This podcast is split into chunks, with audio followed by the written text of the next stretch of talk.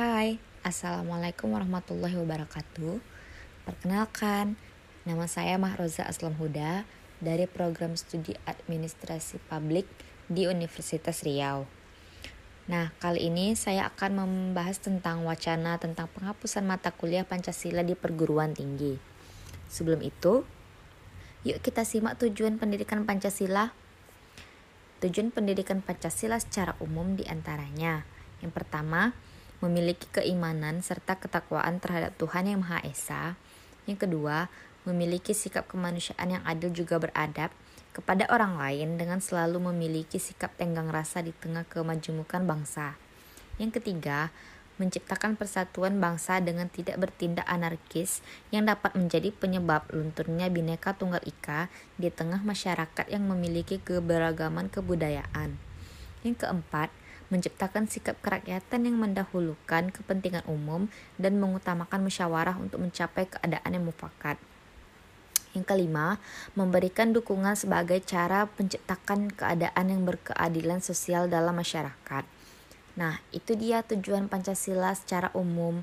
Selanjutnya, tujuan pendidikan Pancasila di perguruan tinggi yaitu yang pertama, memperkuat Pancasila sebagai dasar falsafah negara dan ideologi bangsa melalui revitalisasi nilai-nilai dasar Pancasila sebagai norma dasar kehidupan bermasyarakat, berbangsa, dan bernegara.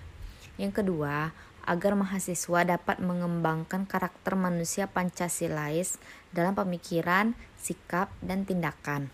Yang ketiga, memberikan pemahaman dan penghayatan atas jiwa dan nilai-nilai dasar Pancasila kepada mahasiswa sebagai warga negara Republik Indonesia serta membimbing untuk dapat menerapkannya dalam kehidupan bermasyarakat, berbangsa, dan bernegara.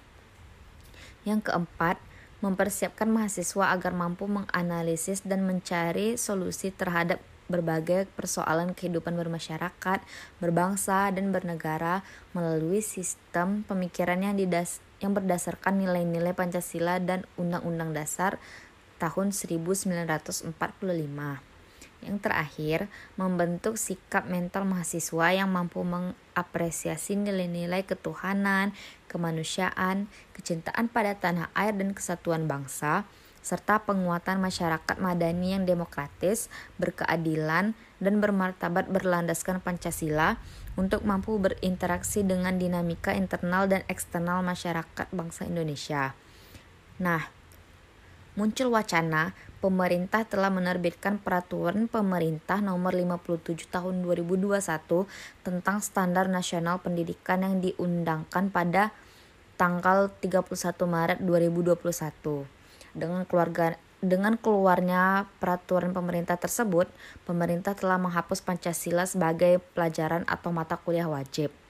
Ketentuan penghapusan Pancasila itu tertuang dalam pasal 40 ayat 2 dan 3 pada peraturan pemerintah tersebut yang menyebutkan kurikulum pendidikan dasar, pendidikan menengah, dan pendidikan tinggi hanya wajib memuat pendidikan agama, pendidikan kewarganegaraan, dan bahasa.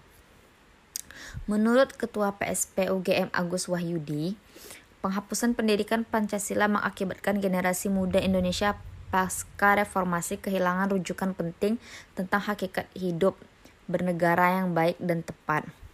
Saat Pancasila masih ada saja, perilaku masyarakat Indonesia kurang bermoral, apalagi jika dihilangkan. Contohnya masih banyak terjadinya pelanggaran norma-norma. Nah, sebenarnya uh, saya juga setuju sih dengan pendapat uh, ketua PSP UGM tadi yang menyebutkan bahwa penghapusan pen pendidikan Pancasila mengakibatkan generasi muda Indonesia akan kehilangan rujukan penting tentang hakikat hidupnya. Uh, ada beberapa contoh kasus pelanggaran Pancasila, uh, misalnya di pelanggaran sila yang pertama yaitu uh, kaum mayoritas yang masih menindas kaum minoritas. Contohnya seperti pengoboman rumah ibadah, mengejek, menghina. Uh, itu tuh sebenarnya tidak sesuai dengan Pancasila yang sila pertama yang berbunyi ketuhanan yang Maha Esa. Karena pemerintah di Indonesia mengakui adanya enam agama dan masyarakat dibebaskan untuk meyakini agama yang diinginkannya. Uh, di contoh sila yang kedua, yaitu ada perbudakan memperkerjakan anak di bawah umur.